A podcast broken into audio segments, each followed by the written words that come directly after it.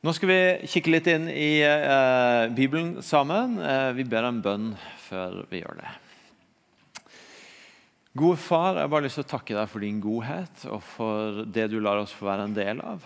Og for at du er en god far som, eh, som bryr deg om oss, og som bryr deg om våre liv. Og som ønsker å peke på veien til det gode livet for oss. Og Det ber jeg deg om at også skal få være det vi får være sammen om denne formiddagen. At vi får ta inn at du peker oss og livet vårt i en god retning. Du har gode tanker for oss, du har fredstanker, som vi hørte i starten. Og, og du ønsker å ta oss inn i det. Så Hellige Ånd, vi ber deg om å komme og puste liv for den enkelte av oss i hva dette handler om i livet til hver og en av oss. Eh, sånn at det kan få bety en forskjell i uka og åra som ligger foran oss. Amen. For eh, Det begynner å bli en stund siden nå, så hadde jeg og Frida på dag seks en sånn eh, hyggelig far-datter-stund ute på trampolina. Vi hadde hoppa, og det var skikkelig sånn klar eh, stjerneklart. Og vi la oss ned på trampolina og kikka opp på stjernene. og som den ekte pastoren er, så tenkte jeg at dette er jo en strålende anledning til å dra en bibelfortelling. Så eh, vi var ganske raskt inne i Abraham og stjernene som Gud viste han, og slektene som alle, all på en måte den store slekten som skulle følge etter han. og Idet jeg liksom var på vei med frasparket til å på en måte komme litt videre inn i hva som var poenget med det, så var jo Fridas enkle oppfølgingsspørsmål Men pappa, åssen lager en barn? Så hun var mer interessert i å høre om hvordan en lager barn, enn hva som ligger i pakt, f.eks. Som pastoren var mer klar for. Eh, og eh, plutselig kom det spørsmålet. Anyway, så er det sånn at Vi har en serie på fire uker som vi har kalt 'Love is all you need'. og Vi snakker om kjærlighet, relasjoner og seksualitet. Og Inngangen vår til at det er relevant å snakke om, det kan være ganske forskjellig for oss som er her. Det kan være for en del av oss at vi er foreldre til barn som vi trenger, og barn og unge som vi møter spørsmål på. Akkurat det spørsmålet til Frida er kanskje sånn uansett en må være forberedt på en eller annen gang å ta. Men de fleste av oss som er foreldre, vi, vi eh, har barn og unge som vokser opp i en virkelighet som er ganske annerledes enn bare det vi sjøl opplevde i forhold til trøkk og tilgang på ting som eksponering for ting som har med seksualitet å gjøre. Og som vi utfordres på. Hvordan snakker vi om det, og hvordan veileder vi det? Sist mandag så hadde vi et seminar her inne med en som heter Ian Henderson, om, om, om hvordan vi veileder barna våre i forhold til bruk av nett og eh, telefoner og iPader og sånne ting. Og, eh, og, fikk noen av glimta inn i hvor mye barna våre potensielt eksponeres for, og hvor tidlig de eksponeres for det. Og Så kan det være andre av oss som kanskje jobber på forskjellige steder, og folk har fått tak i at vi er kristne, og så møter vi disse spørsmåla om ja, hva, de, Da forventer de at vi mener en del ting om en del forskjellige ting. Og, og Så begynner vi å få spørsmål om det, og så lurer vi på ja, men hva skal jeg, hva skal jeg si, og har jeg egentlig lyst til å snakke om dette? og jeg har egentlig lyst til å fortelle om noe annet enn troa mi. Hva, hva, skal jeg si? Og så, og så, så kan en lure på det. Og antagelig på et eller annet nivå så er det relevant for oss personlig.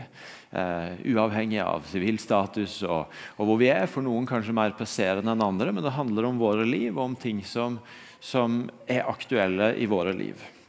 Og så er det sånn at Vi lever i en kultur og i en tid hvor det har skjedd ganske mange endringer ganske raskt. Hvor det, hvor det, er ganske mye rundt det med hvordan samfunnet rundt oss ser på både det med seksualitet og hva som er på en måte normalt og ikke normalt å tenke og mene.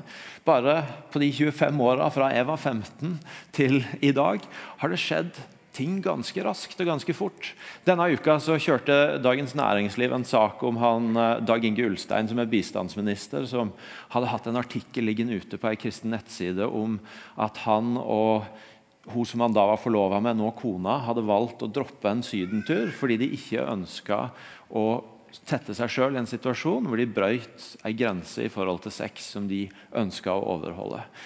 Og Eh, den artikkelen var sletta, men så ble det en sak av at den, den hadde vært skrevet, men nå var borte. Og, og da sier helsepolitisk eh, leder i Arbeiderpartiet at eh, dette er Anakronistiske ideer som ikke bør ha noen sentral plass i norsk politikk anno 2019. Og utfordrer på en måte bistandsministeren på å si om han faktisk mener dette eller ikke. Um, altså, det er, ikke, det er, ikke, noe nytt at en kan ha forskjellige tanker om sex før eller etter ekteskapet, men det nye er kanskje at, at, det blir et problem at man i det hele tatt skulle ha en mening om, om det, og om at en ønsker å vente. Et annet eksempel er her Tidligere i vinter så hadde NRK en sak på samme, Det var ikke poenget egentlig å gi masse fokus til bistandsministeren, men han, han, hadde en rådgiver som tidligere har stått fram at han har slett med pornoavhengighet og blitt fri fra det. og Så lagde de en sånn sak hvor de liksom spurte om ja, hva, hva tenker du om at eh, Bistandsdepartementet nå skal styres av en tidligere pornoavhengig. Og Det ble jeg ganske irritert på, for jeg tenkte hva er sammenhengen? Hva har det med hans kvalifikasjoner å gjøre? Og, og hva gjør det med menneskers mulighet til å tørre å være åpen om sårbare og vanskelige ting, hvis det skal forfølge en i alle sammenhenger senere, enten det er relevant eller ikke. Så jeg gjorde noe jeg svært sjelden gjør. Jeg skrev en, en mail til journalisten og eh, ga uttrykk for hva jeg mente. Og da var En del av det svaret jeg fikk tilbake, det var at denne saken viser fram hvor betent og vanskelig noe så allment og vanlig som pornografi fortsatt er i KrF og kristne miljøer. Altså, eh, En tanke om at ja, men porno det er jo egentlig noe helt vanlig og allment, men, men det er nå en liten gjeng borti der som fortsatt har et litt vanskelig forhold til det. Og så er ikke Poenget mitt med å trekke fram de eksemplene og på en måte la, lage et sånn svartmalt bilde av, av, verden rundt oss, hvor fælt alt er. Men det er bare å gi et par eksempler på at jeg tror i de endringene som har skjedd, og som har gått ganske fort, så tror jeg det er ganske lett for mange av oss å komme litt på defensiven. Og ikke helt vite ja, hvordan, hvordan møter jeg de holdningene og de tingene som skjer i samfunnet rundt eh, Velger jeg på et vis å flytte meg litt sjøl for ikke å være så rar? Eller kommer jeg fullstendig i sånn reaktivt modus av å nettopp snakke om hvor fælt alt i verden rundt meg er? Eller er det kanskje det som er mest nærliggende for veldig mange av oss? Blir jeg bare litt stille om det? Blir litt taus og håper at jeg kan slippe å snakke om det fordi det er litt ubehagelig, og jeg, og jeg vet ikke helt hva jeg skal si. Og jeg tenker at noe av det dummeste vi gjør, selv om det kanskje er det som er fristende og som, og som oppleves enklest, det er å bli tause. Det er å ikke snakke om det, ikke snakke om det med hverandre, ikke snakke om det her i kirka. Og på den måten ikke på en måte gi hverandre et språk for hva skal vi egentlig tenke og hva skal vi egentlig mene, og hvordan skal vi egentlig hjelpe hverandre til å peke på det som er en god vei for livet vårt. For det er det vi tror. At det at Gud er god, betyr at han har det, det kommer også til uttrykk ved at han peker på noen retninger for livet vårt. Han, han, han, veileder oss, han leder oss på noen ting fordi han vil oss godt. Ikke fordi han vil være vanskelig, ikke fordi han vil være kjip, men fordi han vil oss godt. Og det er En som har sagt at hvis ikke vi, hvis ikke kirka og disippel gjør, så gjør kulturen rundt det. Og Det betyr at hvis ikke vi sier noen ting, så vil vi sakte, men sikkert flytte oss i takt med det som skjer i verden rundt oss. Hvis ikke vi, hvis ikke vi har noe språk for dette, for, for oss sjøl, for vennene våre, for barna våre som skal komme etter oss, så kan vi ikke forvente at folk skal bare av seg sjøl og intuitivt finne ut hva Bibelen sier, hva Kirka lærer, hva som er Guds vei. Derfor så trenger vi å snakke om det. og Det gjør vi i disse fire ukene. og så er Det et svært tema, og det er mange ting en kunne snakke om. og Det betyr at vi rekker garantert ikke over alt. Eh, alt, men det er en start. Og det er også et litt krevende tema å snakke om fordi vi har så forskjellig utgangspunkt. Og Det er litt sånn følelse av at det er salater å tråkke i på alle sider. Um, og så er jo samtidig ikke poenget egentlig hvis vi først skal snakke om det, å bare stå trygt i midten og prøve å si minst mulig for å ikke tråkke noe sted. Så jeg tenker at disse fire ukene er et forsøk på å starte en samtale og på å si noen ting. Og så håper jeg at du fortsetter å snakke om det, reflektere over det, søke Guds ord for det. Og på den måten at vi hjelper hverandre til å ikke bare være tause om det, men til å finne måter å snakke om det på. Kanskje blir du provosert av noe av det vi sier, og det er ok. Kanskje blir du lei deg av noe av det vi sier. Det er dumt, og da håper jeg du sier fra til oss, sånn at vi kan lære av det. Men først og fremst vi må tørre å snakke om det. Eh, I Matteus 19, kapittel, vers 3, så står det at det kommer noen fariseere for å sette Jesus på prøve. Og de spør har en mann lov til å skille seg fra sin kone av en hvilken som helst grunn. Har en mann lov til å skille seg fra sin kone av en hvilken som helst grunn? De kommer og de spør for å sette ham på prøve. Har en lov til? Og Det er det som vi skal komme tilbake til Jesus svar om en stund. Men det er jo det spørsmålet som, eh, som veldig lett dukker opp i møtet mellom det som har med seksualitet å gjøre, og det som har med kirka å gjøre. Har en lov til? Hva er lov? Hva, hva sier kirka, hva sier Guds ord at er lov, og hva er ikke lov? Og så ser Vi av, vi skal som sagt komme tilbake til Jesus' svar, men det faktum at Jesus egentlig ikke svarer på spørsmålet, det antyder at det er egentlig feil spørsmål. Og det tenker jeg at det er for oss òg. Det er så lett at spørsmålet på dette blir hva er lov, hva er ikke lov, hva er innafor, hva er utafor. Og så er det egentlig det, det, er en plass for det spørsmålet, men det er helt feil spørsmål å starte med. Fordi at det egentlig er et spørsmål som gjør at vi kan distansere oss fra tematikken. Det er et spørsmål som på den ene sida gjør at en kan, kan, være litt sånn Ok, ja, men jeg kan plassere meg innafor rammene. Da trenger jeg egentlig ikke å tenke så mye på det. Eller for den del, jeg passer ikke inn i de rammene, så jeg plasserer meg utafor. Det kan også være et spørsmål som er litt sånn ja, noen andre må gi meg svaret på, på det. Og så kan jeg plassere hvem de er, og hvor de står. Og så og så er det egentlig et litt passiviserende spørsmål. Fordi at Noe av det viktigste med å begynne å snakke om dette, det er jo å, å få det inn på det som har med våre liv å gjøre.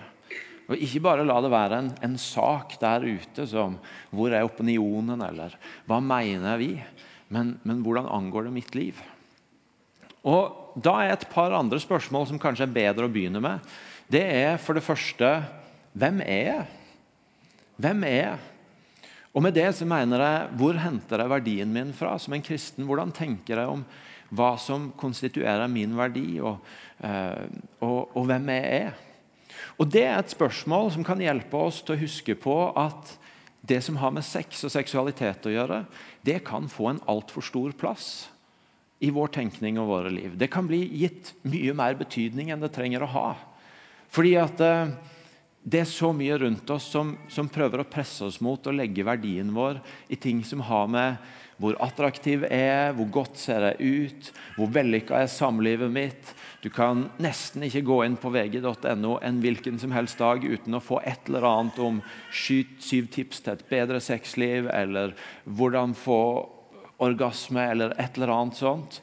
Og så, og så kan det bli litt sånn ja, jeg måler det ut fra hvor godt jeg lykkes med sexlivet eller med samlivet, hvilken sivilstatus jeg har. Og så tror vi at vår verdi kommer fra noe helt annet enn det. Vi tror at det kommer fra noe helt annet enn, enn både hvordan vi ser ut, eller hvor attraktive vi er, eller hvor godt vi lykkes, eller hvilken sivilstatus vi har. Vi tror at vår verdi kommer fra at vi er skapt i Guds bilde, at vi er ville av Han, og at vi er elska av Han. Linn Øydis sa det så bra sist søndag når Martin utfordra oss på det med hvordan vi som kirke møter mennesker som er single eller enslige eller enestående. Hvor hun på den ene sida utfordra på den opplevelsen det av og til kunne være og, og på en måte at, at, at det å være singel nærmest var som en diagnose eller et avvik. Eh, samtidig som, som, hun sa men, men jeg vet at jeg er kongsdatter. Jeg vet at jeg er datter av kongen, og at det er det som gir meg verdi. Og Det tror jeg er så viktig for oss å få på plass at, at på en måte så utfordres vi på å gi det som har med sex å gjøre, mindre plass i forhold til tenkninga om hvem er jeg og, og hva er det som gir meg verdi. Og det er et, hvis, hvis, du er i et samliv eller er på vei inn i et samliv, og du, og du går med den tanken om at bare jeg finner noen å dele livet med, så skal, jeg, så skal, det bli bra. Da skal jeg føle meg mer verdt, eller da skal jeg bli mindre ensom, eller da skal jeg bli mer glad eller lykkelig. Det er egentlig et utrolig dårlig utgangspunkt for å gå inn i et samliv. fordi at eh, Da legger du et enormt press både på den andre personen og på det samlivet. Hvis du tar ting som egentlig dypest sett bare Gud kan gi deg et fullstendig svar på, og legger tyngden av det over på et annet menneske eller på et samliv en har sammen, så får du et krevende utgangspunkt. Derfor er det kjempeviktig for oss også i møte med at vi får så mange inntrykk som presser oss mot å legge verdi i utseende, i vellykka samliv, i alle de tinga der. Og, og, trekke oss tilbake til spørsmålet hvem er og hvor henter jeg svaret fra det? Det er ikke fra samlivet mitt, det er ikke fra utseendet mitt, det er ikke fra eh, hvor bra sexlivet mitt er, men det er fra hva han som har skapt meg, sier om hvem jeg er, og hvilken plass jeg har overfor han. Men Det andre spørsmålet er jo selvfølgelig hvem er i ferd med å bli? Hvem er i ferd med å bli? Fordi at vi tror at det vi er kalt til å være, det er etterfølgere av Jesus. Og selvfølgelig så må det som har med seksualitet å gjøre, også tas inn i det som har med vårt liv som etterfølgere av Jesus å gjøre.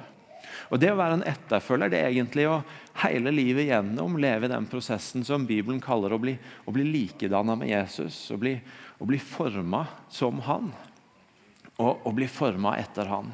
Og Det betyr at i den perspektivet så kan vi stå i fare for å noen ganger gi det som har med seksualitet å gjøre, for liten betydning.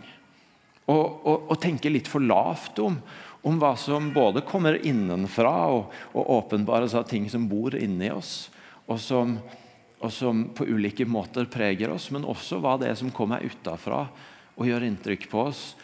Hvordan det kan prege oss på en sånn måte at, at det blir et spørsmål om ja, men hvem er jeg i ferd med å bli? Hvilken retning er jeg på vei i? Er, jeg på vei mot å bli mer lik Jesus? Eller er jeg på vei tillater det og slipper inn ting i livet mitt som egentlig ikke er, går i den retninga? Jesus sier jo at summen av det livet han kaller oss til, det er å elske Gud og vår neste som oss sjøl. Han demonstrerer at for han så er kjærlighet ikke en kjærlighet som søker sitt eget, som ser hva kan jeg få ut av en relasjon. Men den kjærligheten Jesus demonstrerer, det er jo en sånn offervillig kjærlighet som er ute etter hva kan jeg gi inn i en relasjon. Og Det er jo noe av det vi utfordres på. Hvordan, hvordan forme seg, hvor jeg er på vei også med det som har med samliv, med seksualitet, med, med mine relasjoner å gjøre.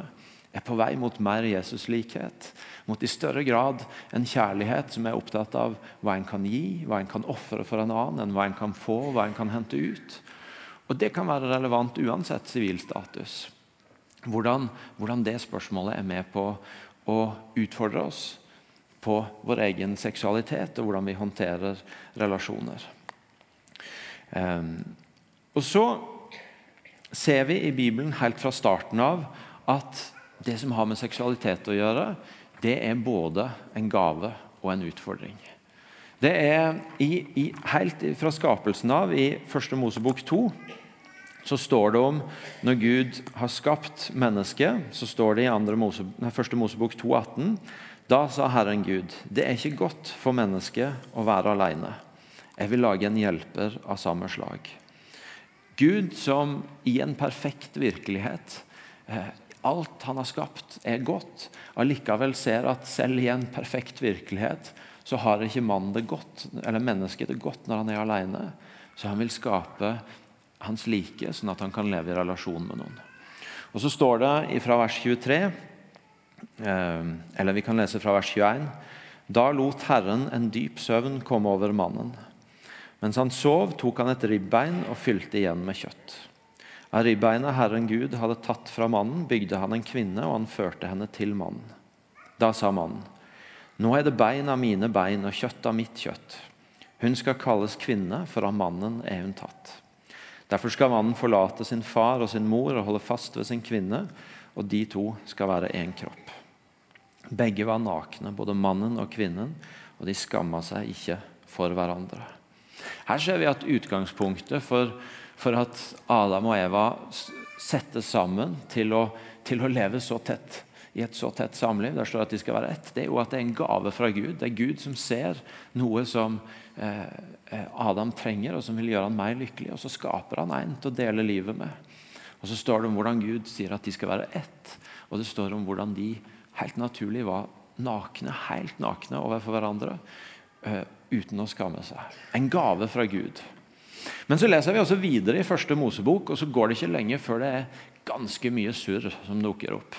Der, jeg skal ikke dra alt, men der, der, der er det jo menn som, som, lurer folk rundt og tror at kona egentlig er søstera, sånn at ikke disse fremmede kongene skal, skal, skal ta dem. Og der er døtre som skjenker faren full for å få slekten videreført. Og, og der, er så mye rart at du tenker sånn Jøye meg, for et surr. Eh, og, og, i hvert fall eh, eh, Etter å ha lest første Mosebok noen ganger, så er det litt sånn når folk sier, sier at alt var mye bedre før, så tenker jeg ja, vi, Mener du Edens hage, så er jeg med deg. Men etter det så henger jeg ikke med deg.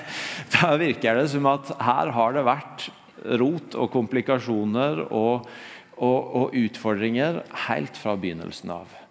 Og, og, og, vi kunne selvfølgelig dra det mye lenger enn første Mosebok. Disse tinga eh, som har med seksualitet, med relasjoner, med troskap og utroskap og begjær og alt det der, det har, har det alltid også vært komplikasjoner rundt. Og Står det videre i Bibelen, så møter du høysangen. ikke sant? Som som har dette her egentlig ganske erotiske språket rundt eh, relasjonen til en mann og en kvinne. Hvor de liksom får, får virkelig bretta ut begjæret de har overfor hverandre, og hvordan de ser på hverandre. Og Samtidig så leser du i Matteus 5 at Jesus sier at bare du ser på en annen, en annen kvinne enn din kone med begjær, så har du begått ekteskapsbrudd. Og hvis øyet ditt lokker deg til fall, så skal du heller rive det ut enn å falle. Så i Bibelen så møter du den spenninga. Dette er en gave, og det er en utfordring. Og Det er også noe av grunnen til når jeg sier at dette må bli personlig for oss. Kan, vi kan ikke begynne med spørsmålet hva er lov og hva er ikke lov, på en sånn måte at vi kan plassere oss litt på distanse fra det. Fordi at det er virkeligheten for oss alle. det. At, at vi lever alle både med at seksualiteten vi er gitt, er en gave, men også at det er en en, en brutthet, om du vil, en fallenhet i det. Jeg som mann gift i 15 år og har ikke planer om å endre på det, kan ikke bare si at ja, da passer det ganske godt innenfor den ramma kirka har av, av på en måte eh, rammer for sexlivet, så, så, da er jeg good, og så, og så angår det noen andre. Eh, nei, jeg, jeg, lever også med brutthet i min seksualitet. Jeg, jeg gjør ting, jeg tenker på ting. jeg jeg blir frista av ting som viser at dette angår meg òg. Det er også, lever òg både med seksualiteten min som en gave og som noe som er brutt i livet mitt, og som trenger å bringes fram for Jesus, både for nåde og for gjenopprettelse eh, i livet mitt. Og Når vi er kommet dit, så er vi kanskje kommet til det spørsmålet, eller til det punktet hvor hvor det, være, hvor det, begynner å nærme seg på sin plass. Kanskje ikke å, å stille spørsmålet er det lov eller er det ikke lov, men, men kanskje mer hva, hva, er Guds tanker for dette her? Hvis vi har sett at det angår oss alle, og hvis vi har sett at, at det er en litt sammensatt greie av, av en gave og samtidig noe som, som er komplisert og som, som, har en fallenhet ved seg, hva, hva er Guds tanker for det? Hvilke rammer setter han for det? Og Da vil jeg først si at de to forrige søndagene så har Geir og Martin talt. Geir først om å vie ut fra å snakke om sex til å snakke om seksualitet. Og, og, og, og snakka noe om at det er noen lengsler i oss som handler om mer enn bare akkurat det som har med sex å gjøre, men som har med relasjon, med tilhørighet, med om å elske og være elska å gjøre. Som, som ikke uten videre bare handler om samliv, men som også kan handle om å få leve i nære relasjoner med hverandre. Og Sist gang så snakka Martin om det å leve alene.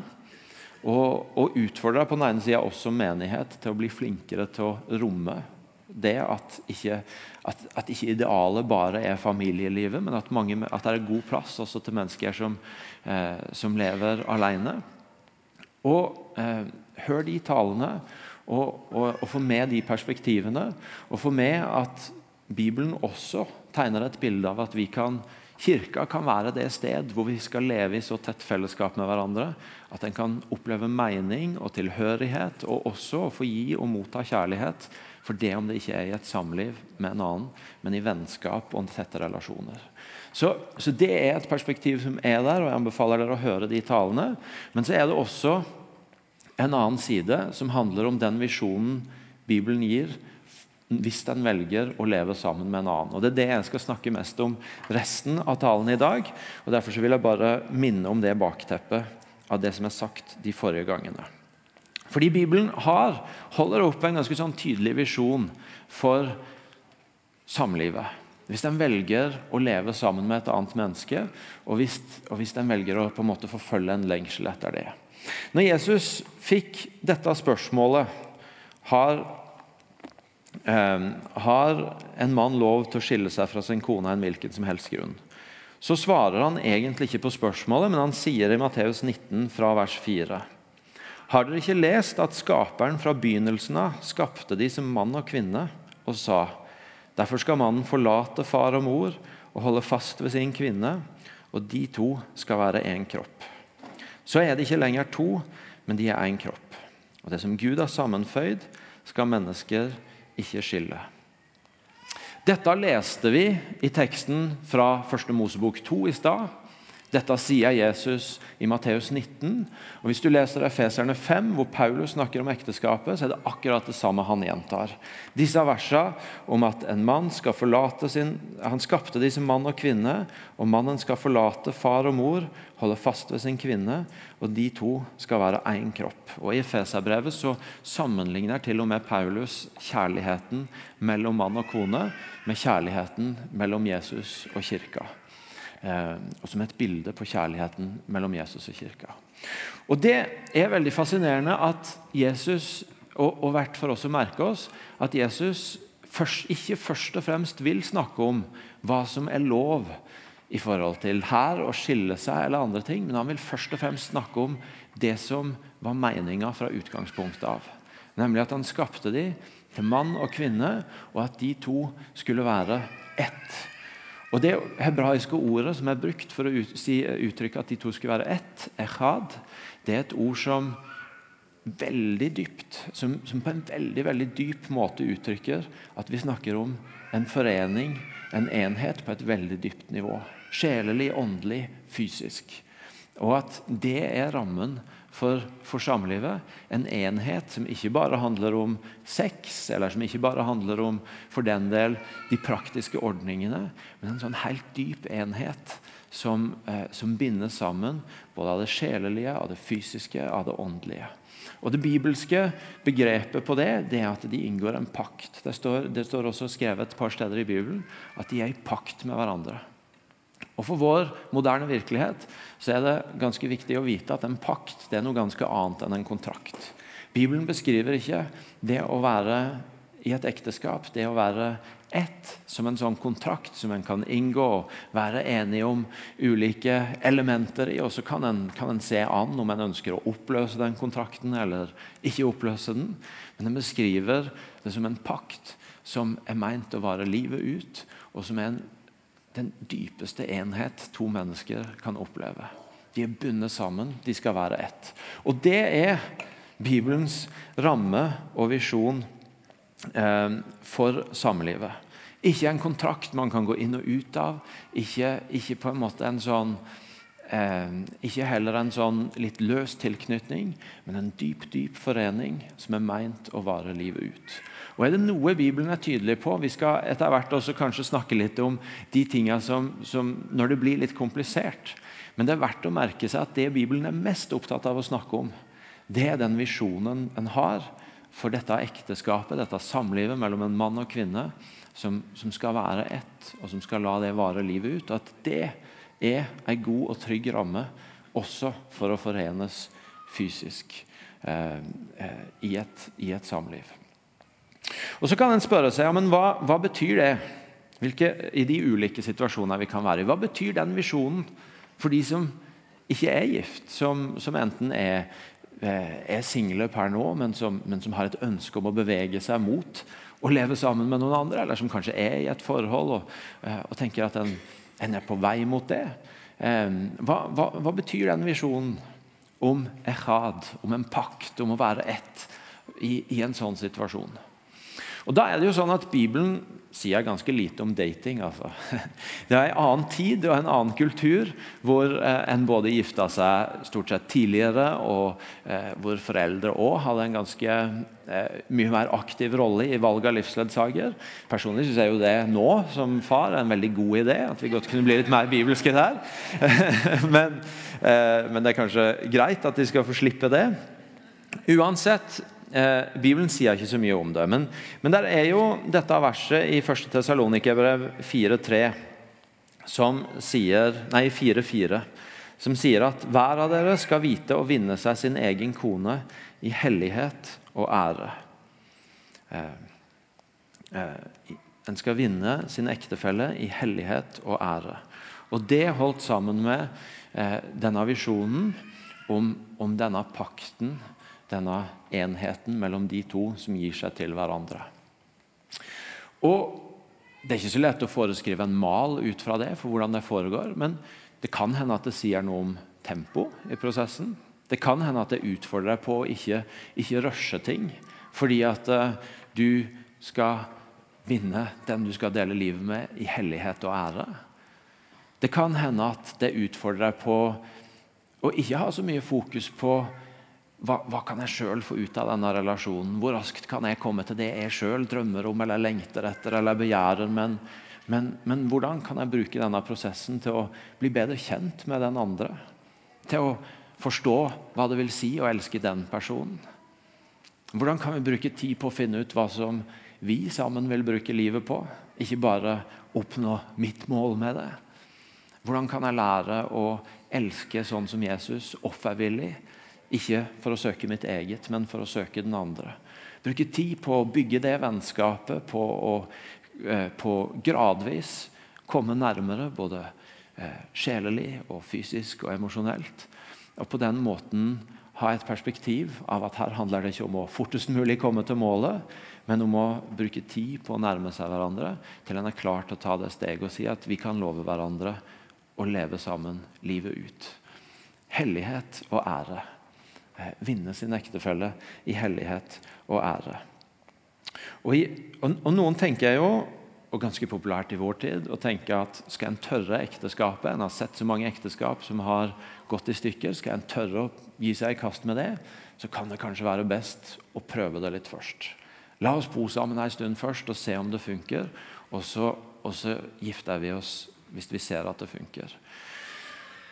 Og Da er det i hvert fall sånn at de statistikkene vi har, gir ingen signaler om at den prøvemetoden egentlig funker så godt. Eh, nivået av brutte samliv i samboerskap og nivået av skilsmisse med utgangspunkt i samboerskap, statistikkene på det forteller oss at det er ikke en veldig effektiv prøvemetode. Og det kanskje kan være en påminner for oss om at når Gud, når Gud setter den ramma ekteskapet er, så er det ikke for å være kjip. Det er ikke for å, for å være litt sånn knepen og holde igjen. Men det er fordi han har en god tanke. Han ønsker å si noe om at det er rammen som gir den tryggheten dere trenger for å kunne gi dere til hverandre fullt ut. Og Derfor så er det vi forkynner og veileder her i menigheten, at det er ekteskapet som er den gode rammen for å leve sammen. Eh, og at vi tror ikke det er så lurt å drive og prøve seg litt fram i forkant, men å men å ta den prosessen det er, at en er klar til å love seg og gi seg til hverandre for hele livet ut. Så kommer jo spørsmålet når en er gift. da. Eller la meg først si igjen La meg bare hente tilbake igjen igjen hvis du er i den prosessen mot å dele livet med noen. Så er jo igjen spørsmålet ja, men disippelskapsspørsmålet hvem er i ferd med å bli? Hvem er jeg i ferd med å formes til i denne fasen av livet og i denne prosessen? Er dette en tid hvor i møte med den andre og det å lære å kjenne og komme nær og elske den andre, er dette en tid hvor, hvor jeg formes mer Jesus lik? Blir mer villig til å elske, ikke for egen vinning, men for å løfte opp den andre. Til å komme nær og lytte til den andre, og ikke bare få mine egne behov møtt. Hvem er jeg i ferd med å bli? Og så, når en, når en er gift, da når en, når en, lever innenfor denne rammen, hva har, hva har, den visjonen Bibelen gir, å si der? Når jeg vier folk, og det skjer innimellom, så er en av de tingene jeg ganske ofte snakker om i vielser, det er at noe av det som er så flott med, Bibels, med, med, med kirkas ekteskapsrituale, det at vi leser tekster og vi ber bønner som minner oss om at det at to mennesker står der på den store dagen og er klart til å si ja til hverandre, det skyldes verken at de er så himla flinke på kjærlighet, at de på et vis kan si ja, vi er så bra på kjærlighet at vi klarte å få til ei greie her som gjør at vi kan gifte oss. Og det er heller ikke et ritual som sier at fordi biologien eller noen kjemiske reaksjoner eller noe sånt på en måte smalt bra, så, så hadde vi nok tiltrekning til å stå her. Men det er et ritual som sier at dypest sett så er kjærligheten en gave fra Gud, og vi får lov til å ta den imot og dele den med hverandre. Og Det er noe av det som er nydelig med det, det vigselsritualet. At det minner oss om at det å få elske hverandre det er i utgangspunktet en gave. Og så blir utfordringa når han sier ja, og når han går inn i et samliv, å la, å, ta vare på den gaven. Hvis du har fått den gaven, så har du et ansvar for å ta vare på den. Og Jeg bruker å si at et stort ja, som et ja til å elske og ære noen livet ut er, det krever at det blir backa opp av en del andre nei. Hvis du skal være seriøs med ja-et ditt, så trenger du også som oftest å backe det opp med nei med noe nei. Det er noen ting du må si nei til, det er noen ting du må avstå fra. Og Det kan selvfølgelig handle om en sånn konkret fristelser. at Har du valgt han eller hun, så kan du ikke velge noen andre å gjøre det samme med i tillegg. Men det handler jo selvfølgelig om alle de tingene en velger som, som, som, handler om at en velger å komme nærmere hverandre. En velger å holde samlivet varmt. En velger å holde den gaven en har fått, levende. Og jeg tenker at Det utfordrer oss både offensivt hvilke valg tar vi? Hvordan lever vi for, for å ikke bare drive med skadebegrensning for at det ikke skal gå galt, men for å, for å løfte opp samlivet vårt til at det, at det virkelig skal være et godt sted å leve. Jeg og Hilgun hadde en prat for en tid tilbake som var den typen ja, vi, vi har det ganske bra sammen, og, og, ting på en måte ruller jevnt framover. Og, og, på en måte så kan vi bare fortsette som nå, og, og det er fint. Men vi kan jo også si at nei, men vi har ikke lyst til å slå oss til ro med det. Vi har lyst til å bli enda bedre kjent med hverandre. Vi har lyst til å komme enda tettere på hverandre, for vi har ennå ganske mange år igjen å leve sammen. Og Det handler noe om den offensive tilnærminga. Hva, hva, gjør du og den du deler livet sammen med, for å, for å, bygges enda tettere sammen? For å enda mer leve i det Bibelen kaller echad. En, en sånn dyp, dyp enhet som er meint å vare livet ut. Men det handler selvfølgelig òg om hvilke valg en tar for å, bygge, for å, for å beskytte ekteskapet sitt. For å ta valg som, som, som gjør at en, at en, ikke bryter det ned. Det kan handle om alt fra tidsprioriteringer til, til fristelser en ikke velger å begi seg inn på, til at det kanskje ikke alltid er det mest byggende å ha kollokviegrupper med andre av samme kjønn om hva som skulle vært annerledes med ektefellen ens, eh, osv. Eh, at det er valg en tar som handler om bygger dette, eller bygger det ikke. Og igjen, bare for å gi dere et eksempel, Ikke fordi det kanskje er relevant for dere, men for at dette ikke bare skal være sånn teori. Jeg, jeg kan si at For meg, som, som gift med Hildegunn det, Dette kan høres litt feil ut, men hør meg gracious, med nåde. Eh, jeg, jeg, kan vinne en hvilken som helst diskusjon med Hildegunn. Det høres litt frekt sagt ut. Men jeg, jeg, er veldig flink med ord. Jeg er god til å formulere meg. Jeg er også god til å plukke opp dårlige formuleringer hos andre. Så, eh, så hvis noen sier 'alltid', og det kanskje ikke er helt presist alltid, men, men, det er ofte, så kan det skapes mye rom der for å plukke fra hverandre det argumentet. ikke sant? Eh, Og så er jeg gift med ei som og du må høre det rett, ikke det at hun ikke er skarp, for hun er kjempeskarp. Det er ingen som kan stille meg så veggs til hun med noen av de spørsmåla hun, stiller meg. Men jeg er gift med ei som er sånn ekstrovertprosesser, som tenker mens hun snakker. og som Det har vært utrolig nyttig for meg å lære at hun ikke mener alt hun sier, men hun må bare tenke det ut. Um, og Det betyr at ting av og til kommer litt hulter til bulter, og det kommer litt om hverandre. og det gjør at det er egentlig som oftest kjempelett for meg å vinne en diskusjon med henne hvis jeg vil det. Men hvis jeg har vunnet diskusjonen, men ikke forstått henne, eller egentlig kommet lenger unna henne istedenfor nærmere henne, hva har jeg vunnet da? Hva har jeg fått ut av det da? Hvis hun innrømmer, som hun på ett punkt gjorde, at noen ganger så Nei, jeg bare gidder ikke å ta det, for jeg vet jo at du kommer til å plukke det fra hverandre. Hva har jeg oppnådd da? Og så kan det hende at det eksempelet ikke er relevant i din hverdag. i det hele tatt, Men, men, men hva er dine sånne ting? Hvor, som handler om hvem er i ferd med å bli? Hvem former seg til?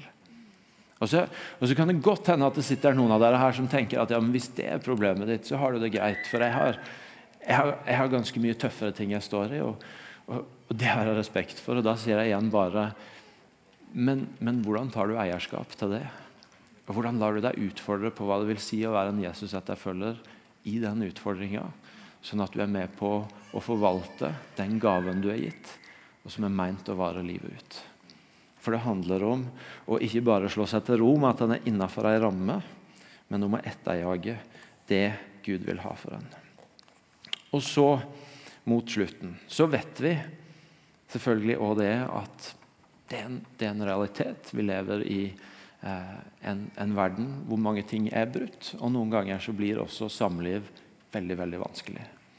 Noen ganger så går samliv inn i kriser. Og en, og en, står i den kampen. Går dette, eller går det ikke? Og Da er det første å si om det at, at da har vi et, alle et ansvar for å hjelpe hverandre alt vi kan til å, til å komme, oss, komme, oss, igjennom den krisa. Da har vi som fellesskap, som venner, som, som menighet et ansvar for hvordan kan vi komme nær hverandre og hjelpe hverandre til å, å stå igjennom det som blir kjempevanskelig, det som blir ei krise. Og Derfor er kanskje noe av det jeg burde ha sagt under ekteskapet, eh, det er at eh, en av de utrolig viktige tingene vi gjør for å bygge ekteskapet, det er jo å bygge oss tett nok på folk til at når det blir vanskelig, så har vi noen som er rundt oss, og som gjør at vi ikke bærer hele vekta alene. Men det betyr òg at vi som menighet forsøker å gjøre det vi kan for å være til hjelp. i den forstand at Vi har, vi har ekteskapskurs, men vi har også veiledning. sånn at når det blir vanskelig, så er et av de stedene du kan gå for å få hjelp, det er til veiledningssenteret vårt, som Anne snakka om i stad. Og, og, og, vi ønsker virkelig å gjøre det vi kan for at vi skal kunne være et fellesskap hvor det går an å få hjelp når det blir skikkelig vanskelig. Og Så hender det allikevel at det ikke går. Og det hender at et samliv som har meint å vare livet ut, dør. Og jeg tror de som vet bedre enn noen at det er en smerte i det, det er de som står midt oppi det. Og Derfor er det dette er kanskje det jeg synes er vanskeligst å stå her og snakke om, som en som ikke har opplevd det sjøl.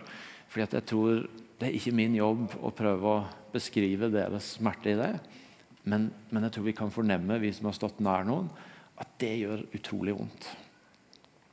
Og jeg tenker Noe av det som er fantastisk med Jesus, det er at han er, han er enorm på sannhet, og han er enorm på nåde. Han er enorm på å holde fast det som var Guds vilje, og, og på en måte ikke rikke på det. Og han er samtidig helt enorm på å la mennesker som ikke har fått det til, som opplever nederlag, som, som opplever at han gikk på trynet, at de opplever nåde. Og jeg tenker at Noe av vår utfordring det er at det er så fristende å trekke litt inn på begge sider. Litt mindre sannhet og litt mindre nåde. Og Er det noe jeg tenker at er det noe de som opplever at samlivet dør, ikke trenger, så er det på den ene sida at vi på et eller annet vis forsøker å si at ja, men det er jo ikke så farlig. Og på en måte bagatellisere det litt i et forsøk på å trøste. Selvfølgelig er det farlig. Selvfølgelig er det, det overhodet ikke det verken en sjøl hadde tenkt eller Gud hadde tenkt. Men er det noe de også ikke trenger, så er det at vi legger stein til byrden. Og minner om og på en måte trykker trykke lenger ned eller skaper mer skam eller mer skyldfølelse når en allerede står og kjenner på nederlagsfølelsen. Og Derfor er kanskje noe av det, det beste vi kan gjøre i sånne situasjoner når vi står rundt, det er å gjøre alt vi kan for å forsøke å være nær. Ikke ha alle svarene, ikke, ikke, alltid være den smarteste i rommet som skal forklare alt, men i det minste ikke vike unna det ubehagelige og smerten, men å søke hvordan kan jeg komme nær og være nær. Og På den måten, som Martin sa sist òg, vår drøm er at vi kunne være et fellesskap det er godt å ha det vondt i. Og Jeg vet, jeg har venner som er tett på, som har fortalt meg om hvordan de, når samlivet gikk i stykker, trakk seg unna det kristne fellesskapet fordi de ikke var sikre på om det var plass for de der. Jeg synes Det er utrolig vondt å høre. og jeg, Kjempetankevekkende. Og jeg har ikke svaret på det, men jeg tenker vi er nødt til å la oss utfordre av det i ei tid hvor det er noe av det som skjer rundt oss. Eh, hvordan kan vi være et sted det er godt å ha det vondt i? Og Og Hvis du er midt i den situasjonen, så har jeg i hvert fall lyst til at du skal høre at det er det vi ønsker, det er det vi strekker oss mot. Og, og, og, og, du er så velkommen her for det om det er ting i livet ditt som du opplever at ikke går opp. Og Så dukker jo dette spørsmålet fra en del opp igjen. Er en ny start mulig? Går det an å begynne på nytt igjen? Går det an å gifte seg en gang til? Og Det er kanskje det aller mest kompliserte spørsmålet i dag å svare på. Og, og Vi kan lese først det Jesus sier i, i, uh, fra vers 7 i, i Matteus 19. De spurte han, hvorfor har da Moses bestemt at mannen skal gi kvinnen skilsmissebrev før han kan sende henne fra seg? Han svarte, fordi dere har så harde hjerter, har Moses tillatt dere å skilles fra konene deres. Men fra begynnelsen av var det ikke slik. Jeg sier dere, den som skiller seg fra sin kone av noen annen grunn enn hor, og gifter seg med en annen, han begår ekteskapsbrudd. Jesus sier på den ene sida at eh, holder han bare opp igjen. Dette var idealet, dette var tanken. Og Samtidig så anerkjenner han at helt fra Moses sin tid så har det vært noen ordninger som tar på alvor at vi lever i en syndig verden hvor, hvor noen ting går galt.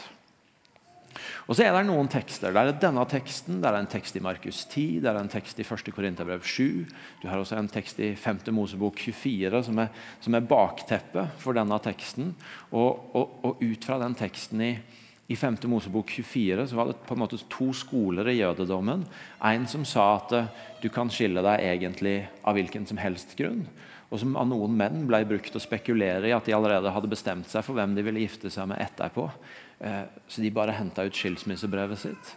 Og en annen skole som sa at det måtte være hor som var, bak, som var bakgrunnen hvis den skulle kunne gifte seg om igjen. Og Vi har ikke i dag tid til å liksom fullt ut gå inn i og, og, og, kikke på de tekstene. og Hva sier de grunnleggende, og hvilken kontekst var de satt inn i. Det, det jeg kan si, er at det er, er, typisk tre posisjoner som er ganske vanlig å ta hvis en, hvis en ønsker å ta de tekstene på alvor. Det ene er å si at uh, disse tekstene er så tydelige, uh, noen av dem, på, på at gjengifte egentlig ikke er mulig, at en må tenke at det er ikke en åpning.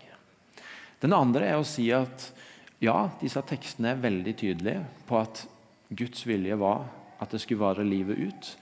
Um, men de er profetiske tekster om hvordan Guds rike egentlig er. F.eks. i Matteus 5 så ser vi at, at Jesus sier, at, uh, som, som, jeg var innom i stad, at hvis øyet ditt lokker deg til fall, så riv det ut. Og hvis uh, armen din lokker deg til fall, så kapp den av. Som åpenbart er en sånn type overdrivelse for å få fram et poeng av hva, hva, hva som på en måte er et Guds rike liv, men som ikke er ment bokstavelig.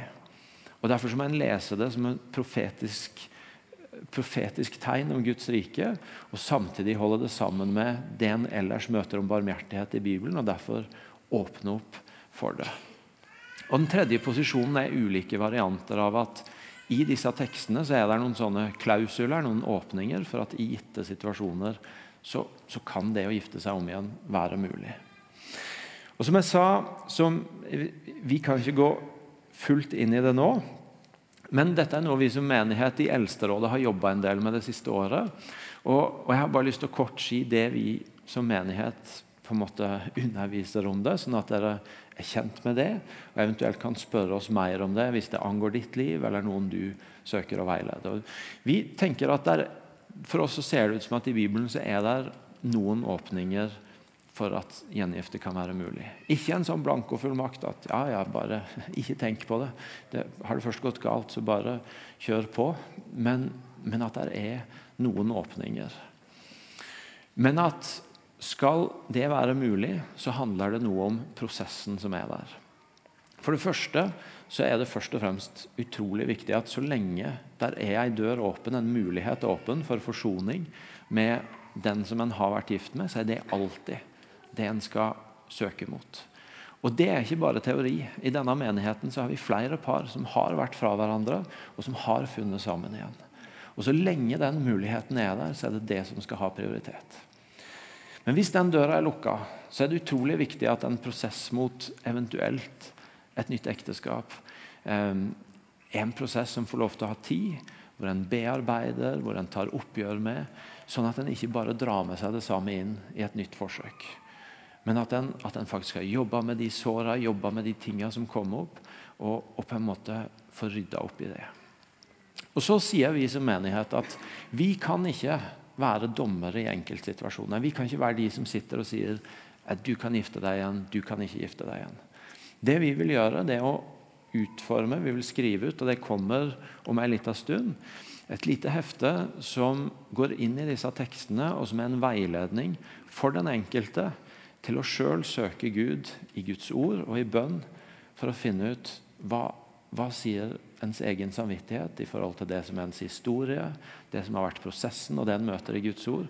Hva sier din egen samvittighet om du kan gifte deg igjen eller ikke? Og Så blir det til syvende og sist et, et ditt valg, og ikke noe vi som menighet skal sitte og ta en stilling til. En konsekvens av det er at vi som menighet, vi, fordi at vi ikke vil ta stilling, så vier ikke vi i vår menighet mennesker om igjen, men vi anbefaler å hvis du skal gifte deg om igjen, og gjøre det, ta en borgerlig vielse. Og så, hvis du da har fulgt den prosessen med, med, med veiledning, med oppgjør Vi, vi, vi har også utforma et sånn type skriftemål hvor du kan legge fra deg det som har vært.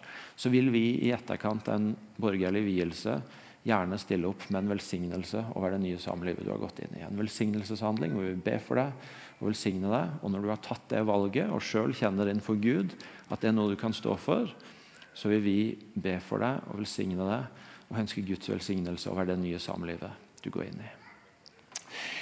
Dette er kompliserte ting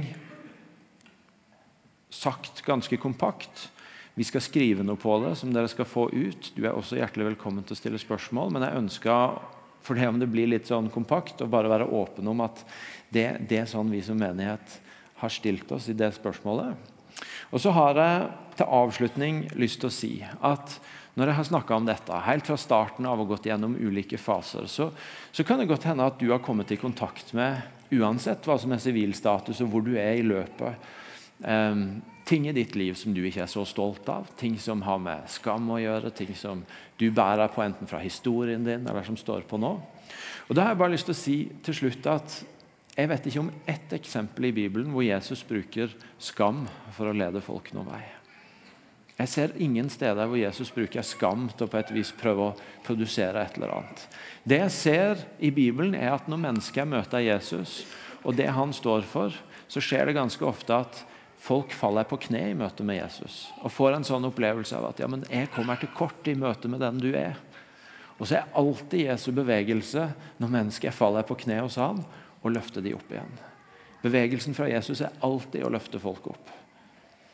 Og det er noe av det viktigste å si. det er at Jeg kan ikke tenke meg noe bedre sted å gå til, å gå til med nederlagene sine og stille seg sårbar med det en ikke er stolt av, enn til Jesus. Fordi hos Jesus er alltid bevegelsen å reise opp igjen. Jeg kan tenke meg ganske mange steder i denne verden hvor jeg ville vært usikker på, hvis jeg stilte meg naken med mitt liv vil responsen være å bli dytta lenger ned eller å bli løfta opp.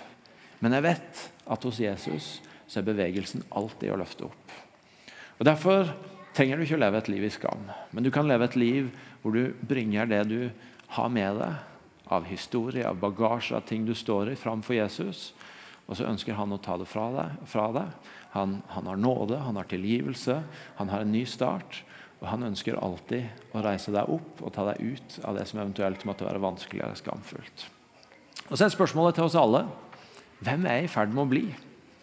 Uansett sivilstatus, uansett hvor jeg lever i forhold til samliv.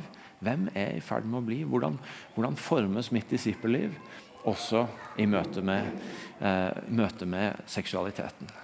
Og Nå er tida mi ute, og barn begynner å hentes, så dere kan få reise dere opp, og så skal vi be en bønn sammen.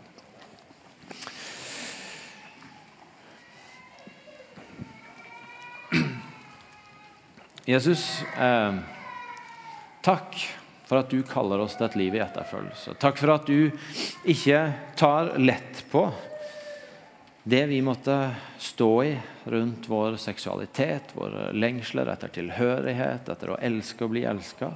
Men, men, du kaller oss inn i etterfølgelse også på det området. Nå har vi hørt ditt ord, og vi har snakka om sider ved livet. Og jeg har lyst til å be deg for de som måtte være komme i kontakt med ting som er vanskelig, ting som er skamfullt. At dette blir en dag og et punkt når vi nå skal tilbe, for å oppleve din nåde. Og få et nytt møte med at du ikke er den som bringer skam, men du bringer oppreisning. Så jeg har lyst til å invitere deg, Hellige Ånd, til å tale til hver enkelt av oss om hva dette vil si for oss, om hvor vi er på vei i vår etterfølgelse av du, også når det kommer til seksualiteten vår. Og hvordan vi forvalter det samlivet du har gitt, eller de relasjonene du har gitt, eller, eller den situasjonen vi er i nå. Hellige Ånd, tal til oss om hvor du kaller oss til vekst og til etterfølgelse, og til å mer og mer likedannes med du. Vi ber i ditt navn, Jesus. Amen.